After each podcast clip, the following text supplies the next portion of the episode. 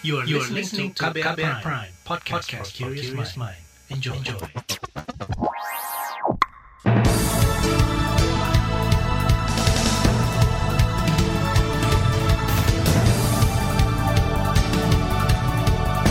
Selamat pagi saudara, jumpa lagi di program Buletin Pagi edisi Jumat 26 November 2021. Saya Malika. Sejumlah informasi pilihan telah kami siapkan, di antaranya Undang-Undang Cipta Kerja diputus inkonstitusional oleh Mahkamah Konstitusi. Rapat pleno RUU TPKS ditunda karena minim dukungan fraksi. Panglima TNI Menko Polhukam bahas penanganan konflik di Papua. Inilah Buletin Pagi selengkapnya. Terbaru di Buletin Pagi. Saudara Mahkamah Konstitusi menolak sebagian permohonan uji formil Omnibus Law Undang-Undang Cipta Kerja yang diajukan kelompok buruh. MK menilai proses pembentukan Undang-Undang Cipta Kerja tidak memenuhi ketentuan Undang-Undang Dasar 1945 sehingga cacat formil. Dalam putusannya MK memerintahkan pemerintah dan DPR memperbaiki undang-undang tersebut dalam waktu paling lambat dua tahun. Perbaikan dilakukan untuk memenuhi cara atau metode yang pasti, baku, dan memenuhi asas keterbukaan dan partisipasi masyarakat yang maksimal. Ketua Majelis Hakim Anwar Usman mengatakan UU Ciptaker tidak mempunyai kekuatan hukum mengikat secara bersyarat jika tidak diperbaiki dalam dua tahun sejak putusan diucapkan memerintahkan kepada pembentuk undang-undang untuk melakukan perbaikan dalam jangka waktu paling lama dua tahun sejak putusan ini diucapkan. Apabila dalam tenggang waktu tersebut tidak dilakukan perbaikan, maka Undang-Undang Nomor 11 Tahun 2020 tentang Cipta Kerja, Lembaran Negara Republik Indonesia tahun 2020 nomor 245 tambahan lembaran negara Republik Indonesia nomor 6573 menjadi inkonstitusional secara permanen. Hakim MK Anwar Usman menambahkan apabila dalam dua tahun perbaikan tak selesai, undang-undang atau pasal-pasal yang dicabut atau diubah dalam undang-undang sapu jagat ini harus dinyatakan berlaku kembali. Selain itu, MK juga memerintahkan segala kebijakan yang bersifat strategis dan berdampak luas terkait aturan Omnibus Law agar ditangguhkan. Peraturan pelaksana dari Omnibus Law juga tidak boleh diterbitkan. Meski begitu, UU Ciptaker masih tetap berlaku sepanjang masa perbaikan. UU Ciptaker disahkan oleh DPR pada 5 Oktober lalu. Pengesahan ini memantik gelombang penolakan dari masyarakat. Dewan Perwakilan Rakyat menghormati putusan Mahkamah Konstitusi. Wakil Ketua Dewan Perwakilan Rakyat Sufmi Dasko Ahmad memahami keputusan MK bersifat final dan mengikat. Kata Dasko, DPR akan menaati putusan MK. Politisi Senayan akan terlebih dahulu mempelajari hasil putusan MK sebelum memperbaiki UU Ciptaker sesuai perintah MK. Namun putusan tersebut kami masih akan pelajari terlebih dahulu sebelum kemudian DPR mengambil langkah-langkah sesuai dengan mekanisme yang ada untuk e, mentaati putusan tersebut. Oleh karena itu, e, mohon juga diberikan waktu pada kami untuk membuat kajian serta mempelajari isi putusan tersebut e, dengan utuh, sehingga kami juga dapat mengambil langkah-langkah yang tepat. Dasko memastikan DPR melalui badan keahlian akan melihat rinci dan bakal mengkaji koreksian UU Ciptaker. Pemerintah juga menyatakan menghormati dan mematuhi putusan MK terkait UU Ciptaker. Menteri Koordinator Bidang Perekonomian Erlangga Hartarto mengatakan segera menanggapi putusan MK yang memerintahkan pemerintah dan DPR melakukan perbaikan UU Ciptaker dalam waktu dua tahun. Karena jika tidak, undang-undang tersebut menjadi inkonstitusional secara permanen. Pemerintah menghormati dan mematuhi putusan daripada MK serta akan melaksanakan Undang-Undang Nomor 11 Tahun 2020 tentang Cipta Kerja dengan sebaik-baiknya sesuai dengan putusan MK yang dimaksud. Putusan MK telah menyatakan bahwa Undang-Undang Cipta Kerja masih tetap berlaku secara konstitusional sampai dengan dilakukan perbaikan pembentukannya sesuai dengan tenggang waktu yang ditetapkan oleh MK Menko Perekonomian Erlangga Hartarto menambahkan pemerintah segera menindaklanjuti putusan MK melalui penyiapan perbaikan undang-undang dan melaksanakan putusan hakim MK lainnya. Erlangga tidak menyinggung secara khusus terkait nasib pemberlakuan aturan turunan UU Ciptaker klaster ketenaga kerjaan yang telah diterapkan, semisal peraturan pemerintah atau PP tentang pengupahan yang diprotes kalangan buruh karena membuka ruang upah tak layak. Pemohon gugatan UU Cipta Kerja menegaskan PP pengupahan bisa batal. Seiring putusan MK kemarin, Konfederasi Serikat Pekerja Indonesia KSPI menyatakan konsekuensi hukum putusan hakim yaitu pencabutan SK Kepala Daerah soal upah minimum. Kuasa hukum KSPI Said Salahuddin mengatakan apabila pemerintah tetap mempertahankan penerapan aturan turunan Omnibus Law termasuk soal pengupahan maka harus melalui uji formil kembali ke MK. Tidak hanya PP pengupahan, ia mendesak seluruh kebijakan yang mengacu mengacu pada UU Cipta Kerja harus segera ditangguhkan sesuai putusan MK. Ini yang akan saya garis bawahi.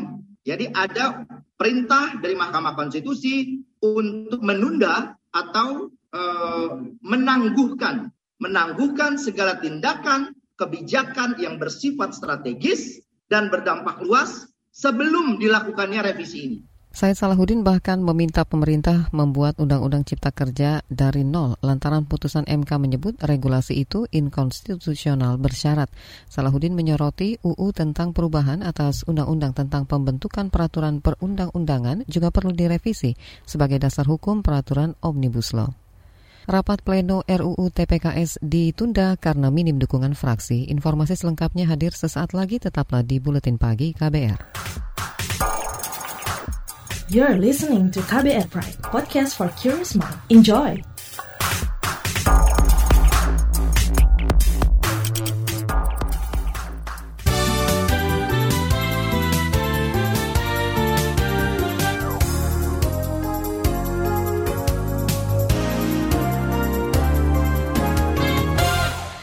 Rapat pleno rancangan Undang-Undang Tindak Pidana Kekerasan Seksual ditunda karena minim dukungan fraksi.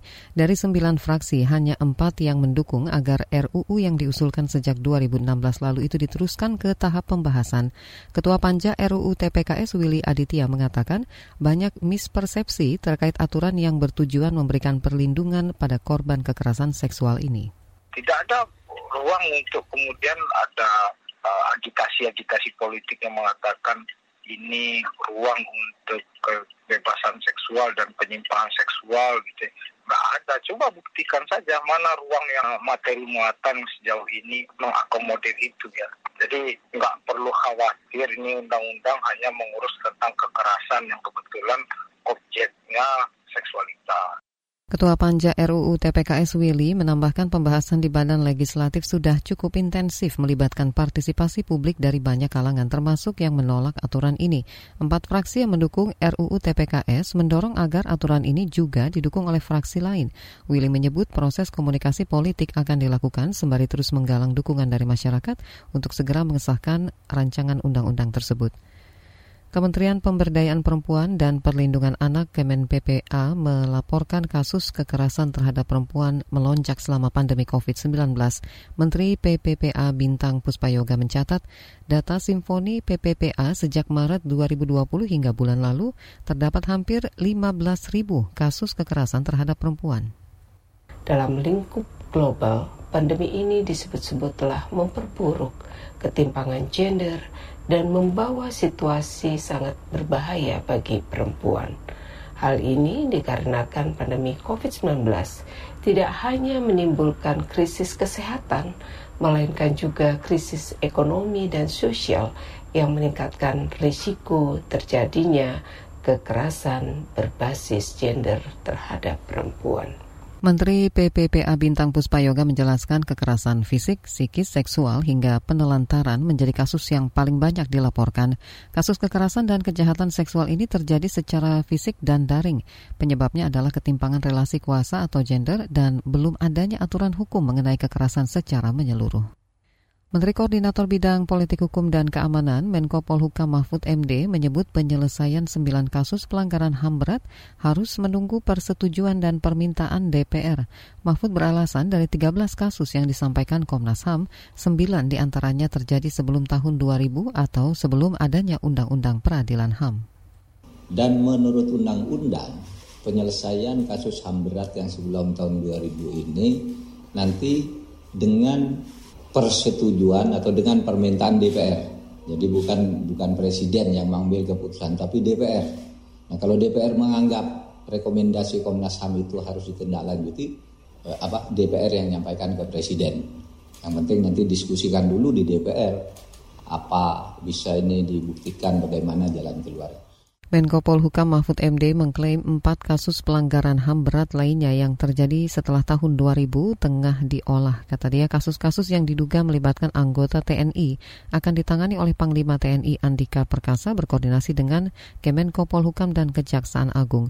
Sejumlah peristiwa pelanggaran HAM berat yang terjadi sebelum tahun 2000 di antaranya penembakan misterius, peristiwa Talang Sari Lampung, Trisakti, Semanggi 1 dan 2, kerusuhan 98. Sedangkan yang terjadi setelah tahun 2000 yakni peristiwa Wasior Wamena, Paniai, dan peristiwa di Aceh.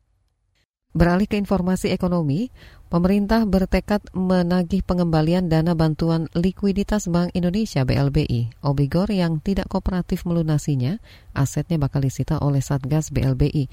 Menteri Keuangan Sri Mulyani Indrawati mengatakan pemerintah juga fokus memikirkan pemanfaatan atas aset-aset sitaan tersebut. Pengelolaan aset BLBI juga menjadi penting. Jadi jangan sampai kita hanya mengambil aset kemudian tanahnya menjadi tanah liar yang kemudian bahkan bisa diserobot lagi oleh berbagai pihak.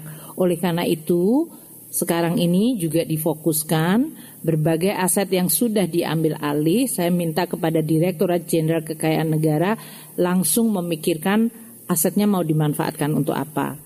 Pemerintah menyerahkan aset sitaan obligor BLBI kepada penerima hibah. Di antara penerima hibah itu adalah pemerintah kota Bogor, yaitu tiga bidang tanah senilai kurang 400 miliar rupiah. Rencananya tanah hibah itu dijadikan sebagai lahan ibu kota Bogor baru. Aset lahan sitaan BLBI juga dihibahkan ke tujuh kementerian serta lembaga dengan total hampir 500 miliar rupiah. Kita ke informasi mancanegara, Filipina menolak tuntutan Cina untuk memindahkan bangkai kapal di Laut Cina Selatan. Menteri Pertahanan Filipina Delvin Lorenzana dikutip Reuters mengatakan kapal itu sudah ada di lokasi sejak tahun 1999. Pernyataan itu sekaligus membantah Cina yang mengatakan Manila telah berkomitmen memindahkan bangkai kapal BRP Sierra Madre. BRP Sierra Madre merupakan kapal pengangkut tank dengan panjang 100 meter milik Angkatan Laut Amerika Serikat yang digunakan selama Perang Dunia Kedua.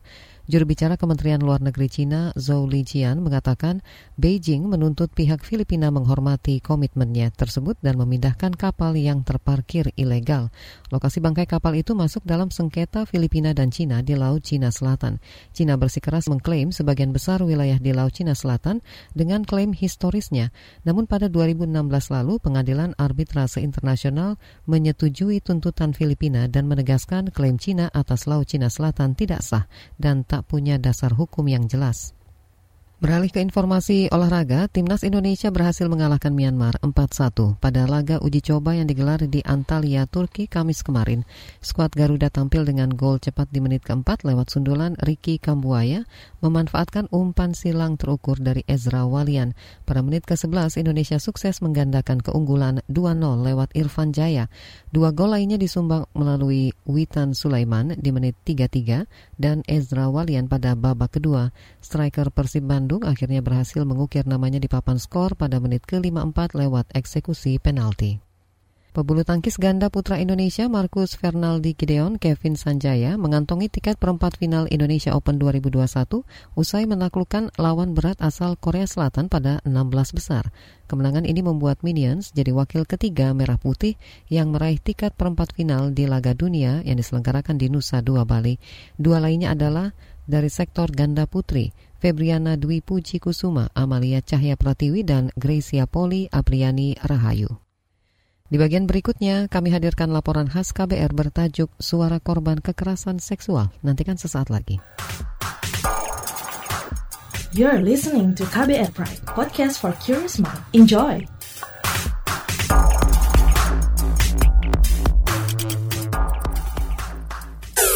Commercial break.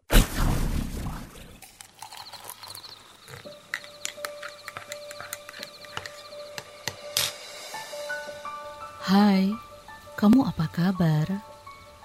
Masih suka menikmati senja dan kopi? Aku masih ingat kebiasaan kita. Sehabis pulang kerja, selalu mencari tempat untuk sekedar ngobrol dan ngopi.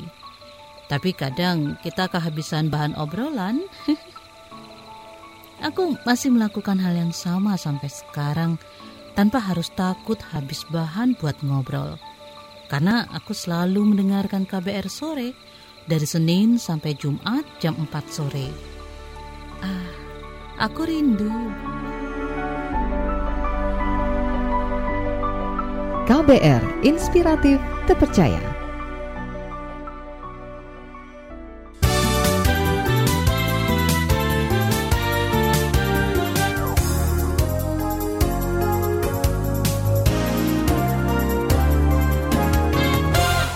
Anda masih bersama kami di Buletin Pagi KBR. Korban kekerasan seksual di tanah air meningkat tajam dalam beberapa tahun terakhir. Data Komnas Perempuan mencatat per tahun ada sekira 5.000 kasus yang dilaporkan, sedangkan yang tidak melapor diperkirakan tak kalah banyak. Sebagian korban takut melapor dengan sejumlah alasan, sementara yang lain memberanikan diri mengungkap apa yang dialaminya, seperti salah satu korban berikut ini. Setelah itu ia mencium pipi, pipi sebelah kiri saya dan mencium kening saya saya sangat merasa ketakutan dan saya langsung menundukkan kepala saya. Namun Bapak Syafriharto segera mendongakkan kepala saya dan ia berkata, mana bibir, bibir. Yang membuat saya membuat saya sangat sangat terasa terhina, membuat saya terasa terkejut, badan saya terasa lemas, saya ketakutan. Namun setelah saya mendorong Bapak Syafriharto, ia mengatakan, ya udah kalau nggak mau.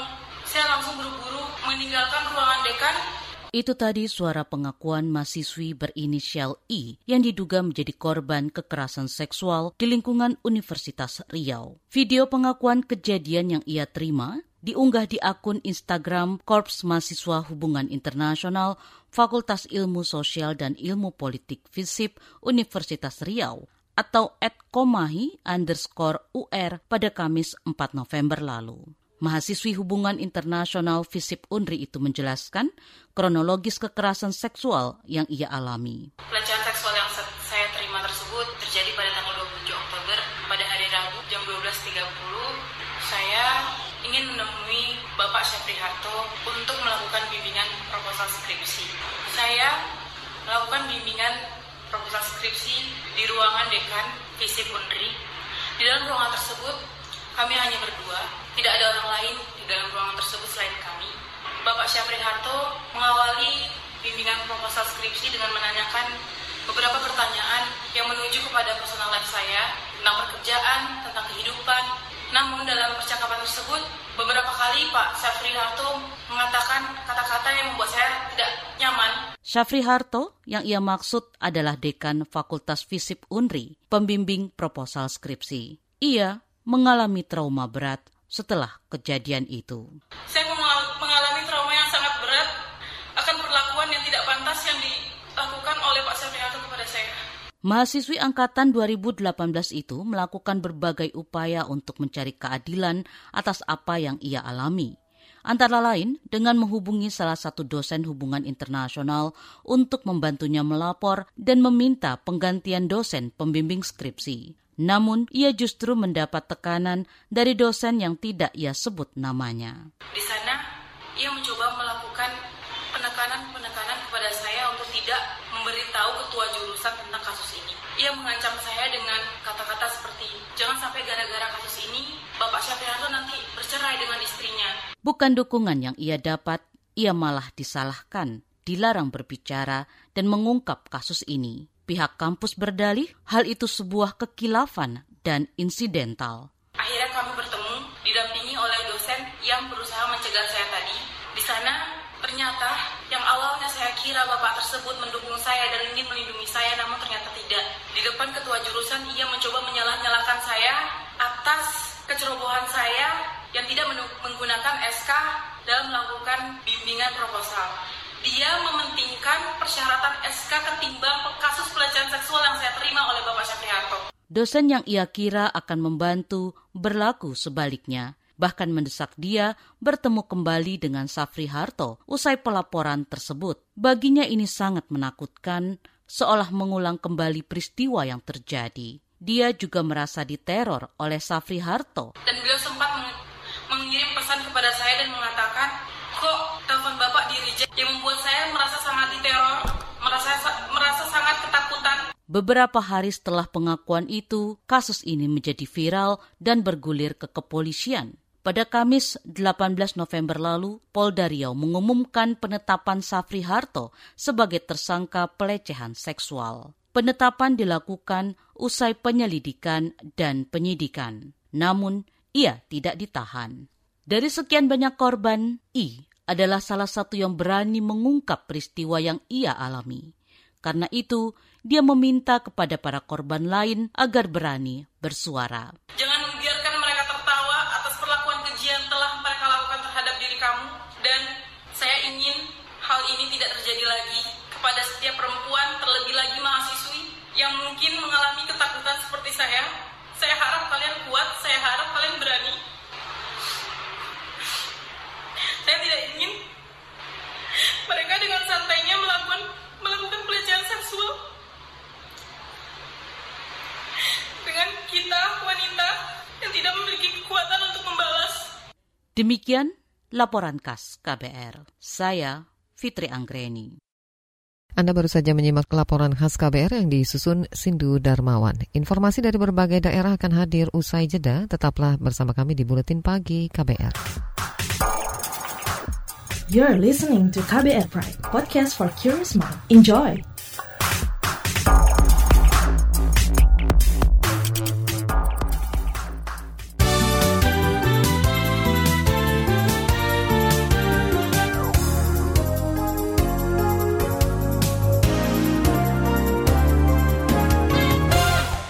Inilah bagian akhir buletin pagi KBR.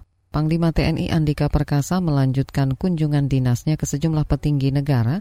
Hari ini Panglima TNI baru itu menemui Menteri Koordinator Bidang Politik Hukum dan Keamanan Menko Polhukam Mahfud MD. Kata Mahfud, hal utama yang dibahas kemarin adalah pendekatan penanganan di Papua dan pelanggaran HAM. Banyak hal tadi didiskusikan, tapi yang kita akan apa menyampaikan yang selama ini menjadi concern kita Kemenko Polhukam dan e, Mabes TNI adalah dua hal saja. Pertama pendekatan baru tentang penanganan Papua. Kalau prinsipnya, prinsip pendekatannya itu sudah dituangkan di dalam Impres nomor 9 tahun 2020 yang kemudian dilanjutkan dengan Kepres nomor 20 tahun 2020 Menko Polhukam Mahfud MD menjelaskan pendekatan di Papua menggunakan pembangunan kesejahteraan yang komprehensif dan sinergis. Dia mengklaim pendekatan di Papua tidak menggunakan senjata, sedangkan pendekatan teknis melalui operasi teritorial bukan operasi tempur. Selain soal Papua, Mahfud juga membahas penanganan pelanggaran HAM, termasuk penyelesaian pelanggaran HAM yang diduga melibatkan anggota TNI, salah satunya terkait kasus Paniai. Pemerintah Provinsi Jawa Tengah menginstruksikan kepala daerah di 35 kabupaten kota memperhatikan nasib guru honorer di daerah masing-masing. Gubernur Jawa Tengah Ganjar Pranowo berharap tahun depan guru honorer sudah bisa mendapat gaji setara upah minimum kabupaten kota UMK. Sing nang provinsi sampean mesti UMK. Syaratnya terpenuhi mesti UMK. Mungkin sudah banyak merasakan. Tapi di kabupaten kota kan nggak bisa. Nah menghormati guru di tengah hari guru gini mestinya ya ya nek urung iso PNS tadi ya ya honorer muda ngono lho. Ben ora kebangetan. Kalau sudah itu ya P3K syukur bisa sampai ke PNS berjuang terus. Menurut saya di Kemenpan memang aturannya mesti dirubah Gubernur Jawa Tengah Ganjar Pranowo menuturkan masih banyak guru honorer yang berada di bawah kewenangan bupati dan wali kota belum mendapatkan upah layak. Ganjar bahkan membandingkan perbedaan nasib guru honorer dengan buruh.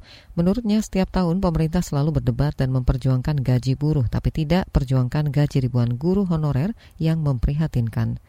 Informasi tadi menutup jumpa kita di Buletin Pagi hari ini. Pantau juga informasi terbaru melalui kabar baru situs kbr.id, Twitter kami di akun @beritaKBR, serta podcast di alamat kbrprime.id. Saya Malika bersama tim yang bertugas undur diri. Salam.